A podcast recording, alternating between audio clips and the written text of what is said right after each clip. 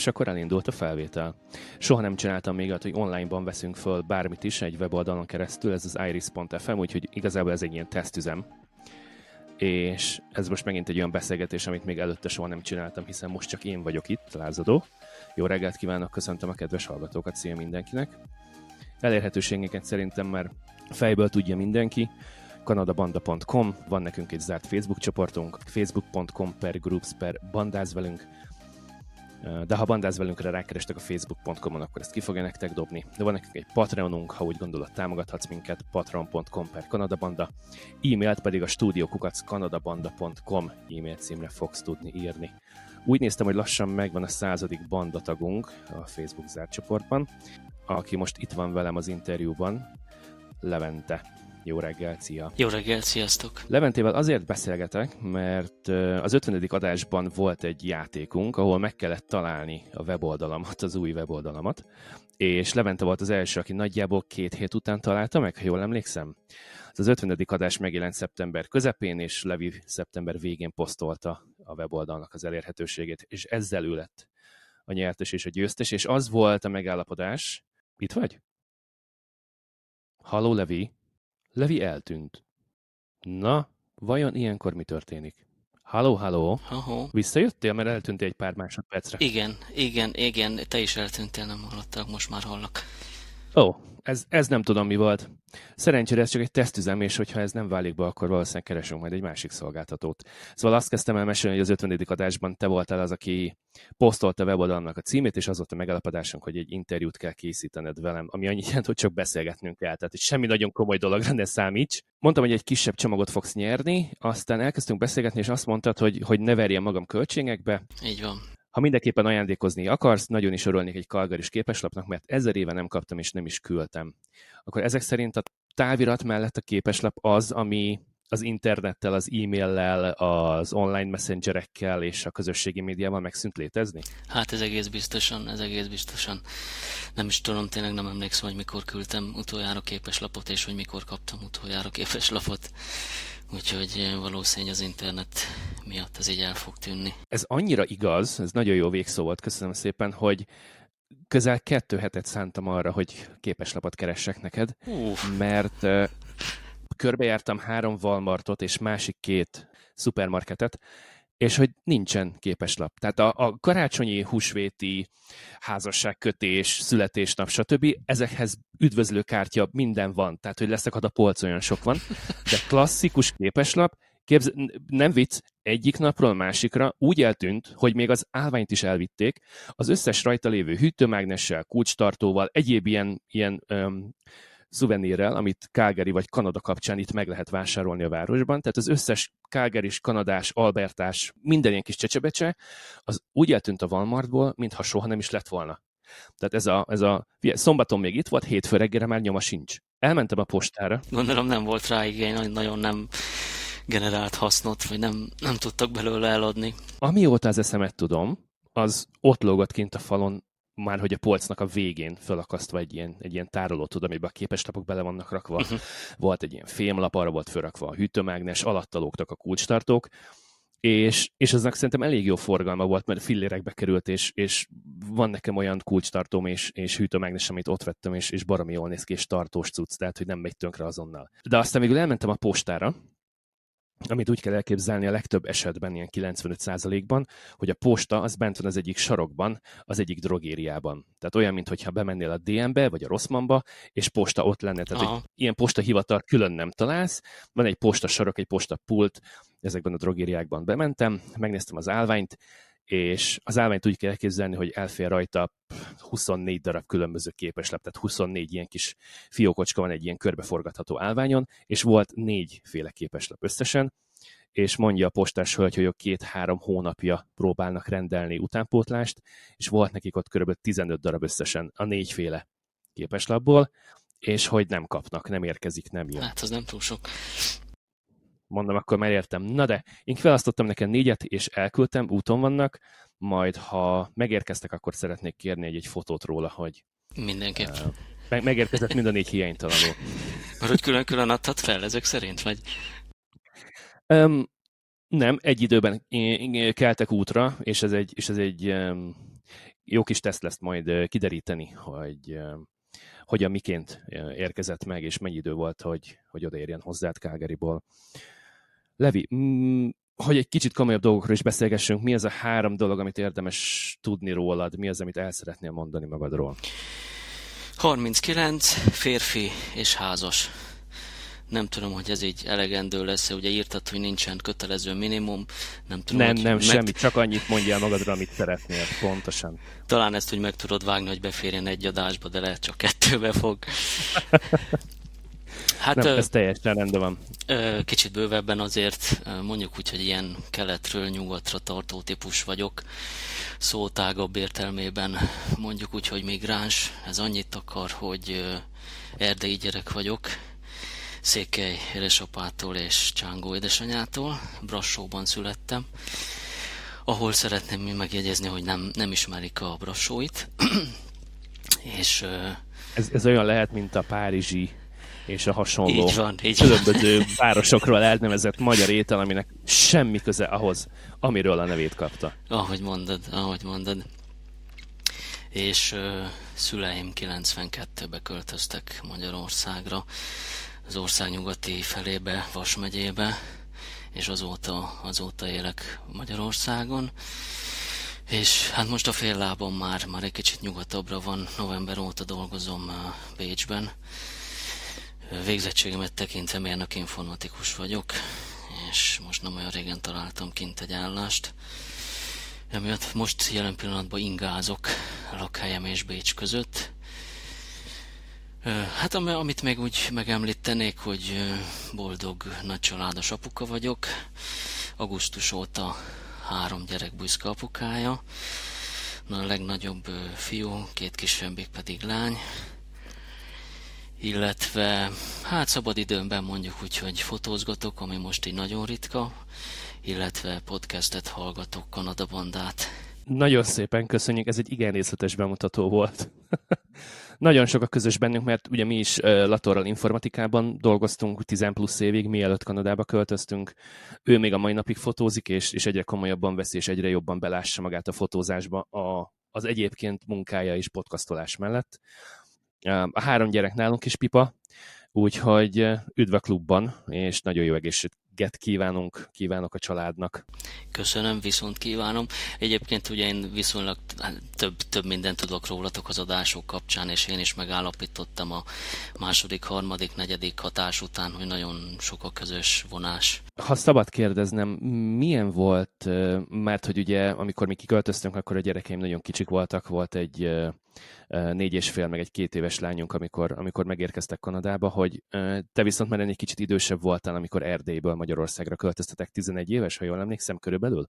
Igen, igen. Emlékszel bármire is, hogy ez, ez hogy nézett ki, hogy beszélgettek róla a szüleitek, te meghallottad, vagy elmondták neked is, hogy mi a terv, ismerősökhöz költöztetek először, vagy, vagy fejest ugrottak a szüleitek ebbe, és, és csak átköltöztek, és majdan lesz valahogy. Uh-huh.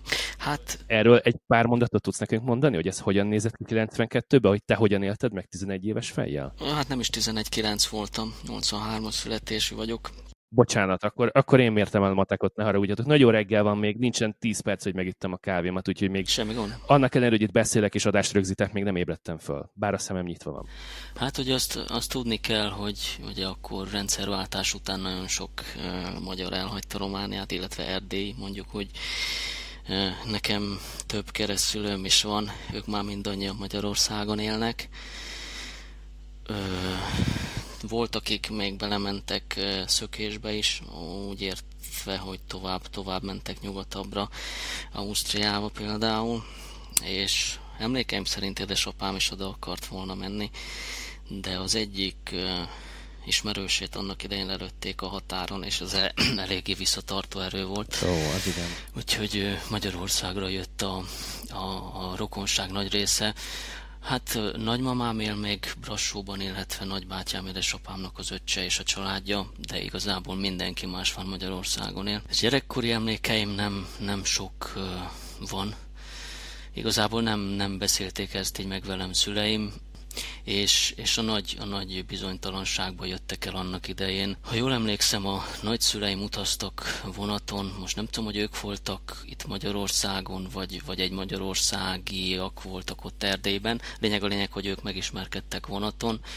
Egy, egy nevünk volt, meg egy telefonszámunk, ők akkor ugye Vas megyében laktak, akikkel megismerkedtek, és igazából emiatt kötöttek ki szüleim Vas megyébe, hogy talán ők, ők segítettek egy albérletet szerezni szüleimnek. Nem akarok hazudni, emlékeim szerint 10 vagy 15 ezer forintja volt a szüleimnek, és akkor egy hónap albérlet az 5 ezer forintba került. De így nem volt sem munka, semmi, tehát így mondhatjuk azt, hogy a nagy bizonytalanságba jöttek de végül is mondjuk úgy, hogy sikeresen vették az akadályt. Igen, mert különben gondolom nem beszélgetnénk most. így van, így van. Brassorról ugye annyit kell tudni, hogy kétszer olyan közel van Bukaresthez, mint a magyar határhoz. Talán mondhatjuk azt, hogy a legtávolabbi pontja volt annak idején? Erdélynek? A mostani Magyarországhoz mérten, vagy a mostani magyar határ, román-magyar határhoz mérten a, a legtávolabbi sarka Erdélynek. Így van, így van. Hát ez végül is a, a délkeleti csücsök, tehát a Kárpátok keleti-déli vonulatai végül is ott fordulnak meg Brassónál, és igazából ugye a Kárpátokon. Mondd, hogy voltatok ott kirándulni, tehát hogy a gyerekeknek meg tudtad mutatni. Voltunk, voltunk. Hát a gyerekeknek olyan sokat még nem mutattam belőle. Idén terveztük volna, hogy elmegyünk, de hát ugye most ez a mostani események fölül írtak mindent. Nem tudom, hogy lesz-e belőle valami. Nagyon szeretnénk elmenni, mert nagymamám most már 89 éves, és most 5-6 éve már nem találkoztunk vele. Nem tudom, hogy összejön-e, bízunk benne, hogy összejön. Nagyon remélem, hogy sikerülni fog. Reméljük, reméljük. Egyébként úgy tudom, hogy hát végül is, végül is nem, azt nem mondanám, hogy száz város, mert inkább a nagyszebenre mondják azt, hogy száz, de végül is három, három nyelvű lakosa van mondjuk úgy, tehát annak idején, hogy a szászok, románok meg magyarok alkották, illetve alkotják még most is. Igen, ezzel van az egyik kérdés, hogy milyen gyakran tudjátok meglátogatni a nagyszülőket, hogy milyen esélyed van rá ö, utazni. Ha mentek, akkor autóval, vonattal, melyik az egyszerűbb? Autóval, autóval megyünk. Most már e, viszonylag sok autópálya szakasz megépült a román részen is, és így emiatt elég jól lehet haladni, mondjuk úgy az utóbbi 5-6 évben. Előtte azért mm, kinkeserves volt, tehát a magyar határig el lehet menni ugye autópályán, de utána kezdődtek úgymond a gondok, vagy a hosszabb útszakasz, viszont most már ott is fejlesztettek, fejlődtek, úgyhogy Hát nem is tudom, egy 8-9 óra talán az út. Ugorjunk akkor egyet az időben. Ha jól tudom, akkor most Veszprém mellett, Veszprémhez közel laktok. A magyar rep fővárosában Gyula Firátóton. Ó, Szabé Szabinak egy hatalmas pacsi. Találkoztam vele esetleg személyesen? Nem, nem, nem. Jól van. No, azt akartam kérdezni, hogy most azt mondtad, hogy a jelenlegi lakhely Gyulafirátot és Bécs között ingázol. Ez hogy néz ki, hogy napi szinten vagy heti szinten történik mindez? Heti, heti szinten. Az elején busszal és vonattal jártam. Azt tudni kell, hogy, hogy Bécsben nem igazán lehet autóval közlekedni, sem parkolni. Én emlékszek valamiféle parkolóházakra, de akkor az inkább uh, turistáknak? Azok vannak, vannak, természetesen vannak fizetősek, és ugye a turistáknak, illetve mondjuk ugye a, a Bécsben dolgozóknak, tehát általában a Bécs kül peremkerületeiben vannak ezek a nagyobb parkolóházak, ahol az emberek le tudják rakni az autójukat, és akkor onnan be lehet menni metróval vagy villamossal az irodákba. Most márciustól vezették be azt, hogy egyáltalán nem lehet parkolni. A, mármint úgy lehet parkolni, mindegyik parkolási zóna ilyen rövid parkolás van, tehát maximum 4 óra, illetve a lakosok tudnak szerezni állandó jellegű parkolókártyát, amivel éjjel is ugye parkolhatnak az utcán, nem is tudom, 150-200 euró fejében. Egyfajta parkolási engedély, Bécsi lakcím kell hozzá feltételezem. Igen, azt mondtad, hogy busszal és vonattal, és akkor mond, ezt most már autóval teszed meg, ha minden igaz. Igen, annyit kell tudni, hogy végül is a cég három-kettő és fél hónap erejéig fizetett egy szállás nekem, amíg, amíg ugye találok albérletet, és most március óta saját albérletben vagyok Ez egy peremkerülete Bécsnek, és itt meg tudtam oldani azt, hogy autóval parkoljak, úgyhogy emiatt március óta autóval uh-huh. járok. Olyan nagyon sok különbség nincsen, se árban, se időben. Azt tudni kell, hogy a, a vonatközlekedés az, az nagyon jó Bécs fele. Győ, Győrből szoktam menni, és igazából a vonat tud menni 160-170 km per óra sebességgel, és emiatt Győrből 1 óra 15 perc Bécs mindössze. A lassabb rész az... Az igen, az nagyon jónak hangzik. Így, így van.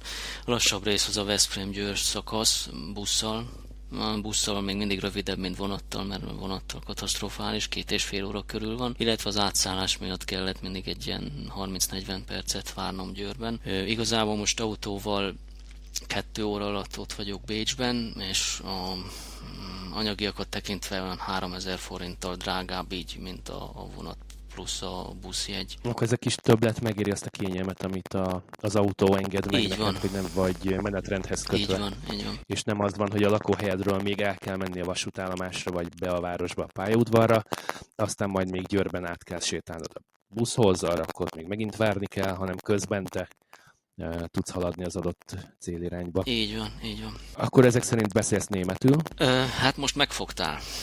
Tudni kell, hogy Azért kérdezem, hogy esetleg valaki nem tudna, hogy az informatika nyelve az a kezdetek óta az angol. Így van, így van. Ugye Amerikából indult, mondhatjuk el ez, ez az egész, és ezért aztán a, az angol lett a, az informatika nyelve.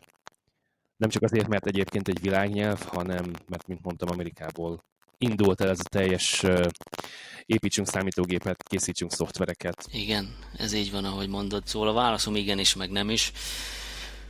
Van középfokú német nyelvvizsgám, még a gimnáziumban sikerült megcsinálni, de sajnos a gimnázium óta nem használtam a német nyelvtudásomat. A jelenlegi munkahelyemen angolt használok, és angolul beszélünk a kollégákkal. Nagyon remélem, hogy így most sikerül felfrissíteni a német nyelvtudásomat.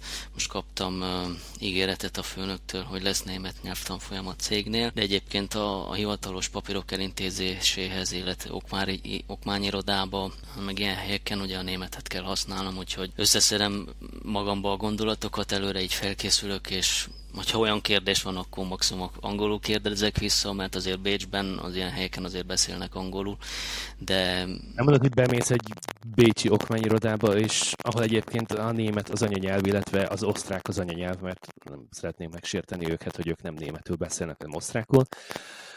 Szóval nem probléma, hogyha angolul kérdezel vissza, és még válaszolnak is neked angolul? Igen, végülis nem személyes tapasztalatból mondom, mert végülis eddig németül én sikerült megoldanom a dolgaimat, de viszont van olyan kollégám is, aki egyáltalán nem beszél németül, csak angolul, és őnek is sikerült elintézni a dolgait, tehát feltételezem, hogy akkor beszélnek angolul.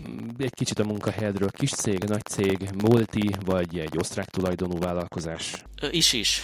Osztrák tulajdonú vállalkozás, mondhatjuk multinak, nem tudom, hogy nevet mondhatok-e. Nem, nem muszáj ha így körülírod a céget, az elég, ha elmondod, hogy, hogy milyen paraméterekkel rendelkezik, hány alkalmazott van, milyen az irodaház. Őszintén megmondom, nem tudom, hogy hány alkalmazott van, nagyon sok helyen van a világszerte irodájuk, többek között Kanadában, az USA-ban, Argentinában, de még Fehér Oroszországban is. Autópálya fizetésrendszerekkel foglalkozunk A-tól Z-ig. Ez azt jelenti, hogy az onboard unitokat, onboard unitoktól amik ugye a személygépjárművekbe, kamionokba helyeznek el, amik kommunikálnak a kapukkal, fizetőkapukkal, egészen attól bezárólag a back office-ig mindent mindennel foglalkozik a cég végül is, és én ezen belül is az onboard unitokkal, tehát a fedélzeti... Tervezés, fejlesztés, üzemeltetés, így van, így van. hibaelhárítás, minden, minden nálatok van. Ez a legjobb egyébként tapasztalatom, hogy, hogyha minden egy kézben van, az, az a legjobb nem csak az ügyfélnek, hanem, hanem nekünk is, amikor nem kell egy, még egy harmadik félel is fájtolni, hogy, mert hogy mi, mi adtuk a szoftvert, de hogy a hardware az már nem a miénk, és akkor ott még beszélni kell a helyi IT-sel, stb. Az, az rettentő macera. Ugye de arra van, azért, azért van szükség, mert nagyon-nagyon sok helyen nem az van, hogy vegyél pályamatricát, meg, meg vegyél online, hanem el kell helyezni a műszerfalra vagy a szélvédőre egy főragasztható kis uh, ilyen RFID-s kártyaszerűséget, vagy egy kis dobozkát, attól függ, hogy milyen rendszert használ. Nálunk ilyen kis, ilyen kis bankkártya méretű, de annál egy, félnyúlnyi vastag műanyag kis valami volt a szélvédőre ragasztva valamilyen, valamilyen céges vagy szolgáltatói logóval, ha jól emlékszem a céges autóra, amit én vezettem, amiben ez volt. Ha jól emlékszem, akkor Torontóban is környékén tudtuk használni, mert ott vannak fizetős, extra gyors, mondjuk úgy extra gyors, bár Torontóban meg az extra gyors két dolgot összehozni a forgalom tekintetében, az nehéz mert hogy állandóan dugó van és hatalmas nagy forgalom van, szóval ott volt ez, ahol erre szükség volt, de úgy tudom, hogy Torontótól egészen erre felé nyugati irányban nincsen semmi, ami fizetős. Az államokban rengeteg ilyen van, tehát nagyon sok olyan van. Sőt, képzeld el, belefutottam olyanba az USA-ban, ahol mondták, hogy mivel meghalt a rendszer, ezért két opció van. Vagy lemegyek az országútra, az autópályáról, és akkor nem csinálok semmit, tehát nem költök mondjuk KP-t, mert hogy képzeld el, hogy nem fogadtak el hitelkártyát és bankkártyát. Tehát mondták, hogy vagy fizetek KP-val, vagy lemegyek az útról, és mondtam, hogy jó, akkor jobbra el. Hát ez érdekes. Nem értettem, és mondtam nekik, hogy srácok, van két hitelkártyám, egy kanadai, meg egy amerikai számlál van, plusz van nálam még egy teljesen hagyományos uh, viza alapú bankkártya, hogy mondom, ebből háromban nem lehetne esetleg választani valamit és mondták, hogy nem, hogy most vagy KP-val itt kifizettem, és akkor adja utána a blokkot, vagy pedig akkor ott kihajtok, és akkor megyek az országúton, és mondtam, hogy jó, akkor megyek az országúton. Ez volt, ha jól emlékszem, ez Texasban történt. Nem tudom, mi volt a rendszerükkel, csak, csak álltak ott az autópályán mérnökök meg a rendőrök, és, és válogatták az embereket, hogy ki az, aki KP-val fog tudni fizetni, és ki az, akinél semmi nincsen, és akkor ez lehet az országúton kerülő de hogy ez egy, egy városszéli, tehát mint az m 0 lett volna.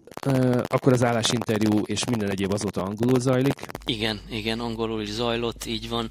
Hát nagyon gyorsan lezajlott a, az interjúm, kettő hét alatt az első interjútól a szerződéskötésig meg is lepődtem. Azt tudni kell, hogy előtte 7 évig autóiparban dolgoztam, ahol egy nagyon nevezük úgy etikátlan felmondási időt alkalmaztak, ami 6 hónap volt. Ilyenről még nem is hallottam, hogy 6 hónapos felmondási időt. Ugye, ugye? Ez az azonnali, tehát hogy melléd rakják a biztonságőrt, pakold össze a cuccod és húzzál innen kifele. Ez az egyik. A másik meg ez a klasszikus egy hónap, de abból nagyjából kettő hetet akkor utána otthon is tölthetsz.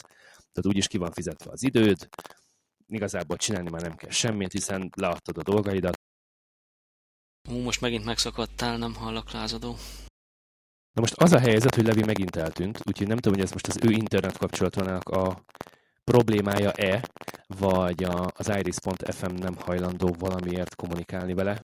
Most hallak megint. És visszajött Levi, hello. Megint eltűnt ilyen pár másodpercre, és feltételezem, neked én is eltűntem pár másodpercre. Így van, így van. Nem, nem tudom, hogy ez, ez most a rendszer hibája, és ez így működik, és akkor az nekem nem fog tetszeni hosszú távon, vagy pedig esetleg más internetes probléma van, de ezt majd megpróbálom kideríteni. Addig hallottalak, hogy egy, egy hónapos felmondási idő a másik opció. Igen, ahol általában ugye az első két hetet azt még ott bent eldolgozgatod, és akkor az utolsó két hétre mondjuk otthon ülhetsz, és nem tudom, az az időd már úgyis ki van fizetve. Hát igen, igen. Szóval hat, hat hónap felmondási időm volt, tavasszal felvételt nyertem egy másik autóipari céghez, a szomszéd utcában, és az letelt volna ö, október végén, és november elején kezdtem volna az új munkahelyemen, és október közepén megkeresett ez a másik cég, és így két hét alatt lezavarták az interjút, illetve a felvételt, és így elnézést kértem a másik cég, cégtől, akik hajlandók voltak hat.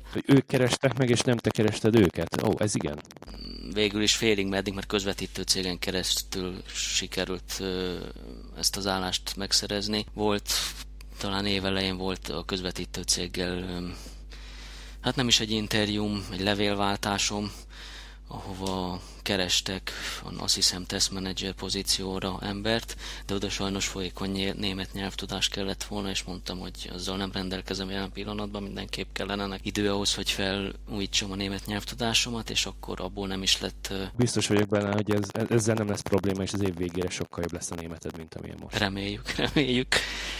Tehát akkor, akkor nem történt interjú, nekik meg volt viszont az önéletrajzom, illetve az adataim, és akkor ez a mostani cégem keresett embert erre a pozícióra, és végül ők beajánlottak, és, és így, így jött ez a, ez a dolog. Tehát végül is én, én ugye tavasz óta nem kerestem aktívan állást, mivel volt már egy másik, de így, hogy megkerestek, így gondoltam, hogy ez nem véletlen ez a dolog, és így elvállaltam. Feltételezem akkor a képzettséged és a referenciáid tapasztalataid alapján feldobott téged az algoritmus, mivel nyitott voltál pozícióra, így aztán, így aztán el is indultak ezen az úton, és ahogy mondott, két hét alatt fölvettek. Lator, Lator küldött át nekem egy videót, és szerintem ezt be fogom rakni majd az adásnaplóba, ahol egy amerikai hölgy felvételizik egy céghez, hogy milyen pozícióra azt most hagyjuk.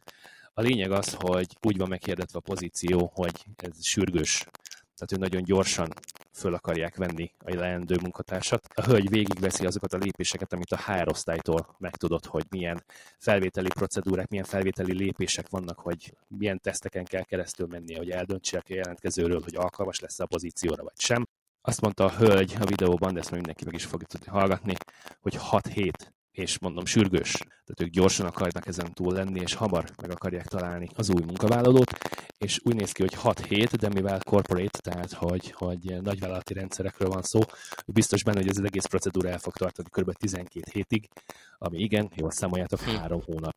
És emellett ugye összeadta azt, hogy kivel, kivel milyen öm, beszélgetések lesznek, milyen teszteket kell kitöltenie, és ő úgy számolja, hogy nagyjából ez egy ilyen 22 órányi munkaidő, amit neked, mint leendő munkavállalónak természetesen teljesen ingyen és bérmentve kell ebbe a projektbe belefektetni, és elképzelhető, hogy miután te nagyjából 6 hetet rászántál erre a projektre, és foglalkoztál az egésszel majdnem összességem a 24 órát, a végén mondhatják azt, hogy hát bocs, nem téged választott.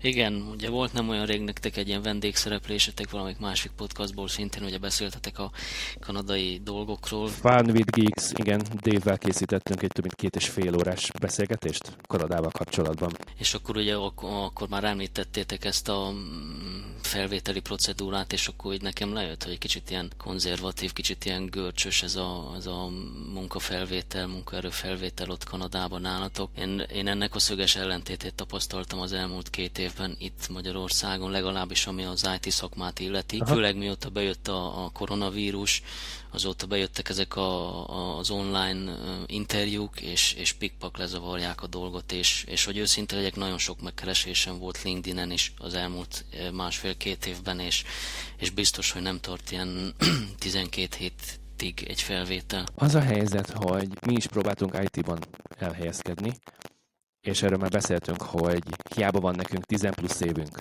magyarországi tapasztalat, és különböző vizsgák és képesítések, nem ér egy fabatkát sem, tehát senkit nem érdekel. Teljesen mindegy, hogy ugyanaz a MacBook, ugyanaz a Windows-os számítógép, ugyanaz az operációs rendszer, ugyanaz a szoftverkörnyezet, mivel Magyarországról jöttünk, ezért aztán olyan, mintha ha abszolút kezdők lennénk, és ehhez mérten kívánnak nekünk bért is adni, annak ellenére, hogy minden feladatot el tudnánk letni, és minden problémát meg tudnánk oldani tapasztalati úton, ennek ellenére úgy vagyunk kezelve, mint akik most kerültek ki az iskolapadból, és még életükben nem láttak egy, egy működő vállalati informatikai rendszert. De hát akkor hadd had kérdezzem meg, hogy, hogy ugyanez fent áll mondjuk egy, egy orvos esetén is, aki emberi életeket ment, hogy nem veszik számba azt, hogy itt mondjuk Kelet-Európában vagy Európában orvosként dolgozott? Nem számít semmit különbözeti vizsgákat kell tenni jobb esetben, ha nem, akkor viszont be kell iratkozni egy úgymond gyors talpalóra, tehát egy két-három évet erre neki rá kell szennia. Ha nem úgy kerülsz ide, hogy téged konkrétan megkerestek, és téged konkrétan ide hívtak, vagy ide hoztak, vagy ide küldtek, akkor ez csak úgy fog működni, hogyha ha erre pénzt, időt és energiát szánsz, tehát hogy beiratkozol, kifizeted a tandíjat, és elkezdesz tanulni, tanulni, tanulni. Egy icipicit ismerős a szituáció, a tanulmányaim után. A feleségűen mi is szerencsét próbáltunk Angliába, hm, körülbelül egy fél évig, háromnegyed évig voltunk kint, de friss diplomásként semmilyen szakmai állás jelentkezésre nem reagáltak és akkor egy hónap után eldöntöttük, hogy akkor jó, akkor nem szakmai állásokat pályázunk meg, és így dolgoztunk egy csodálatos angol faluba, Borton on the Waterbe, és hát pincérként, meg ilyen felszolgálóként végül is. Uh-huh. Fél, fél év, három év után Hazajöttünk két hónapra, akkor bezárt a kávézó, ahol dolgoztunk december-januárra, és akkor kérdezte a főnök, hogy visszamegyünk-e februárba. Akkor nekem összejött egy állásinterjú itt Magyarországon, nem jött lemondtuk a, a visszamenést, viszont annak idején az állás se jött össze, de végül is maradtunk itt, és akkor el tudtunk helyezkedni a szakmába. Vannak bizonyos hiány szakmák, amire keresnek embert, ez az egyik. A másik, hogy ilyen középfoktól fölfele jobb szeretik a helyi munkavállalókkal feltölteni a különböző pozíciókat. Tehát a, a, a felső szintre, felsőfokú képzettséggel az állásokat legtöbb esetben Angliában britek, Kanadában kanadaiak. Tehát a kanadai oktatási rendszerből kikerültek. És most Levi megint eltűnt. Megint eltűntél lázadó. Na mindegy, az én hangomat legalább rögzítő rendszer, legalábbis én úgy látom, hogy, hogy itt megy tovább a felvétel. Szóval... Hallak. Igen, welcome back, hello. Igen, me- megint eltűntél. Annyit mondtam csak, hogy, hogy ugye szeretik a, a helyi iskolarendszeren edződött és a helyi iskolarendszerből kikerült ö, munkavállalókkal, helyiekkel feltölteni a felsőfokú pozíciókat, uh-huh. vagy azokat a pozíciókat, amihez felsőfokú végzettség kell. És visszatérve még az IT szakmához, ö, a legkiábrándítóbb ebben az egészben az, hogy amikor elolvasol egy álláshirdetést, LinkedIn-en megkeresnek, kaptam munkájállatot tényleg New Yorktól, Miami-n át Los Angelesig, mindenhonnan, amikor benne van a LinkedIn-ben, hogy gyerekek, bocs, nem költözöm ugye az Egyesült Államokban, Kanadában ez egy olyan opció, amit a munkakeresésnél, illetve a LinkedIn profilodban meg tudsz adni, hogy hajlandó vagy-e költözni, át egy másik városba, vagy egy másik államba, másik tartományba, vagy sem. Nálam az van bejelölve, hogy nem megyek sehova Calgaryból. Köszönöm. Ennek ellenére rendszeresen megkeresnek, és van olyan kérdés, hogy mennyi időbe tartana leköltöznem Los Angelesbe, és mondom, hogy ne haragudj, hogy Kanadában élek. Tehát, hogy szerinted mennyi idő alatt megy át ez a rendszeren? Amíg, amíg én sikerül egyik országból átköltözöm a másik országba. Jaj, megint eltűntél. Nem tudom, mi lehet a gond. Levi megint eltűnt, de én folytatom. És ez az egyik dolog, hogy ezt nem veszik figyelembe, a másik pedig az, hogy egy négy-öt oldalas leírás van arról, hogy milyen követelményrendszernek, milyen képesítésekkel kell rendelkezned, és amikor a munkaköri leíráshoz érkezel, akkor pedig, ahogy ezt már mondtuk, hogy tulajdonképpen a Windows 95-től az összes létező Linux kernelen át a valaha legyártott összes számítógéphez is értened kell, meg kell tudni javítani az összes létező hálózati eszközt és nyomtatót, és tudni kell az összes létező protokollt, tudnod kell hardveresen um, még akár coax kábelt is krimpelni, hogyha esetleg valakinél BNC csatlakozó lenne a gép hátuljában, és ilyen oh, teljes agyrém. Tehát, hogy ától zéig mindent tudnod kell az informatika rendszerektől, hardware-szoftver oldalon, ez, ez az elvárás mindenkinek, és így nem is értem ezt az egészet, hogy, hogy ez akkor végül is milyen pozíció lenne. Tehát amikor ki van hogy IT technician, és tényleg az elmúlt 30 évből mindenhez is kell értened, de nem baj, ha még ennél egy picikével többet is tudsz. És teljesen kiábrándító, és nekem nem volt végül ajánlás interjú ilyen témában, a Latornak viszont volt, és volt olyan, hogy a negyedik interjúnál sem tudta azt, hogy a cég mennyit hajlandó fizetni a munkájáért. Mert egyszerűen nem került szóba. És ő akkor adta fel, és mondta azt, hogy hát gyerekek, kösz nem, ezt így nem.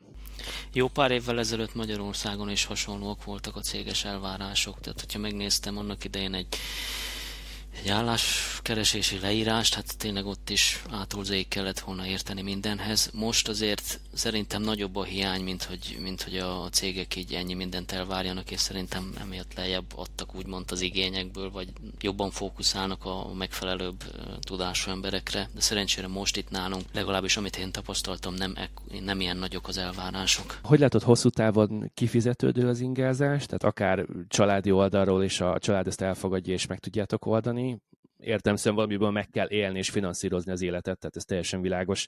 Én sem szerettem, de, de muszáj volt azt csinálnom, amit csináltam, és, és nekem is utaznom tartományok között, és, és akár napokig úton lenni. Elképzelhető, hogy később akár Ausztriába költöztök, vagy kicsit közelebb a határhoz, és mondjuk lecsökken az ingázás két óráról egy órára? Nagyon jókor kérdezed ezt a kérdést. Nagyon sokáig abban gondolkodtunk, hogy határ mellé költözzünk, uh-huh. ahonnan végül is viszonylag gyorsan be lehet jutni Bécsbe. Sajnos a kialakult helyzet miatt, hát van bennünk azért elég rendesen félelem, és most nagyon a felé billen a mérleg nyelve, hogy kiköltözzünk Ausztriába. Úgyhogy remélhetőleg az elkövetkező egy-két hónapban ezt sikerül tisztázni és elrendezni ezt a dolgot, de hosszú távon semmi esetre sem szeretnék így ingázni Veszprém és Bécs között. Mondom, kényelmesebb lenne, és, és hát mindenki tudja, hogy az utazással töltött idő az, az egy halott idő, hiszen, hiszen semmiféle kreatív munkát nem tudsz végezni, és hát, hát oké, telefonon tudsz beszélgetni közben a, a családdal, de, de az nem olyan, mint amikor face-to-face vagytok és körbeülitek az asztalt, ezt, ezt pontosan tudom. Így van, így van. Hát valamelyest még lehet hasznosítani, mondjuk a tömegközlekedésen töltött időt, tehát esetleg buszon vagy vonaton. Igen, de amikor már te vezetsz, akkor ez, ez már nem működik sajnos. Így van, így van, így van.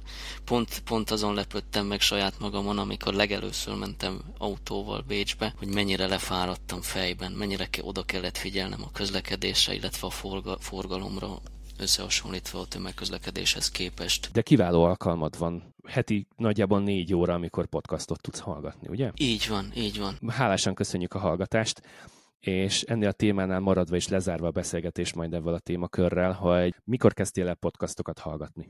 Mondjuk úgy, hogy a vírus megjelenésekor, vagy előtte mondjuk egy picivel. Volt, volt bennem onnan idején egy elhatározás, amiről még nem tettem le százszázalékosan, de mondjuk egy kanadai kiruccanás, esetleg egy ott élés, akár pár, pár év erejéig. Akkor tudom, hogy mindenre rákerestem, ami Kanada, és így találtam rátok erre a podcastre. Ennek örülök. És amikor jött a vírus, akkor, akkor ugye mindenkit, mindent is lezártak, és otthon kellett maradni, és akkor a vírus után márciusban tudom, hogy akkor, akkor végighallgattam az összes korábbi adásaitokat. Végül is egy a vírus miatt szoktam rá a podcast hallgatásra. Ó, köszönjük szépen. Jól sejtem, hogy akkor vezetés közben szoktál podcastet hallgatni, vagy van esetleg olyan alkalom, amikor nem tudom, teszel veszel a ház körül, és konyhában tüsténkedsz, és akkor hallgatsz podcastot? Ö, inkább mondjuk úgy konyhában főzés. A másik, másik nagy dolog, amit úgy, úgy szeretek csinálni a főzés hétvégenként, úgy kikapcsol.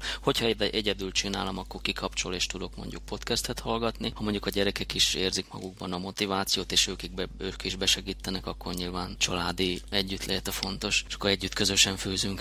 Egyértelmű, ezt abszolút megértem. Korábban már mi is említettük, hogy az elmúlt pár évben nagyon-nagyon-nagyon sok új podcast indult el. Tudsz esetleg bármiféle tippet adni, hogy, hogy vagy akár magadról, ha el tudod mondani, hogy mi alapján választott ki azt a podcast csatornát, amelyet végül követni fogsz? Vannak esetleg szempontjaid, olyan dolgok, amiket fontosnak tartasz egy, egy műsorral kapcsolatban? Nagyjából ilyen 300 50-380 podcast csatorna van most, tehát azért mindegyikből egy adást végighallgatni, az több mint egy év, és megtalálni azt, akit te szeretsz, az, az rengeteg idő, úgyhogy relatíve gondolom ezt nagyon rövidre kell vágni.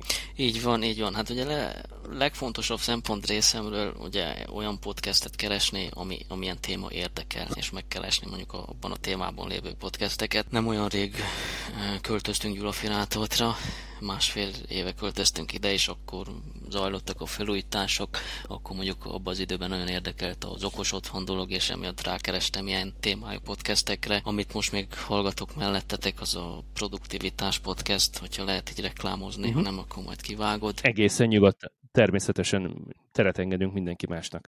Azt hiszem, hogy ők már befejezték, legalábbis új adást nem láttam tőlük, de én csak most kezdtem el hallgatni őket pár héttel ezelőtt. Nekik is van egy nem tudom 40-50 adásuk fönt nyilván a produktivitás, illetve az mondjuk ilyen holtidők hasznos eltöltése szempontjából, vagy túljavaslatok, hogy ki mivel könnyíti meg a saját életét. Ami nekem még nagyon fontos és nagyon tetszik a ti adásotokban, vagy podcastetekben, a zenei betét. Tudom, hogy annak idején fontosnak tartottátok ti is, illetve szerintem Lator az, aki, aki beválogatja a zenéket, nem vagyok ebben biztos, lehet, hogy te is berakod. Igen, igen, az, az azt ő csinálja. az ő, ő szokta már kiválogatni Nagyon-nagyon jó zenéket tesztek be, és emiatt szoktam rá, miattatok szoktam rá végül is a, a Spotify-ra is, ugyanis annak meg nagyon tetszik a, nem tudom, hogy milyen algoritmust használnak, de hogyha rákeresek mondjuk egy számra, amit a ti podcastetekben hallottam, akkor nagyon hasonló tematikáj vagy témájú zenét kínál föl, vagy dob föl, és emiatt én nagyon meg, meg szerettem a, a uh-huh. Spotify-t is. Ugye annak idején valamelyik adásban mondtátok, hogy vannak ilyen jogi procedúrák, vagy gondok, hogy most lehet-e sugározni zenét, vagy sem. Most is azért tesztek be legalább egyféle számot, és általában nagyon jókat tesztek be, és az az egy darab szám nagyon föl tudja dobni a, a podcastet, legalábbis számomra. Szerencsére vannak olyan előadók, akik úgy um, uh, produ- uh, úgy publikálják a zenéjüket, hogy az, az mindenféle jogdíj és egyéb nélkül uh, felhasználható, akár podcastben, akár reklámban is. Uh, igazából itt a, a, a papírmunka része, meg az előfizetési díjak, meg hogy hogyan miként bonyolítod ezt az egészet úgy, hogy ez legális legyen a podcast szolgáltatónál, a YouTube-nál is, akár a Spotify-nál is, hogy, hogy nincs ám ez összefésülve, és hogy, és hogy ez, ez úgy igazából rendesen kitalálva, és ezért ilyen uh-huh. igazi pain in the ass. Ezt, ezt mindenképp javaslom, hogy ezt a jó szokásotokat tartsátok meg, akár ha csak egy számot raktok be. Köszönjük szépen a visszajelzést, és ez így lett. Köszönöm. Erre oda fogunk figyelni. Levi, elengedlek, mert hallom, hogy a háttérben erősödik a, a, a gyermekeknek a hangja. Á, szóval átmegy az éteren, értem.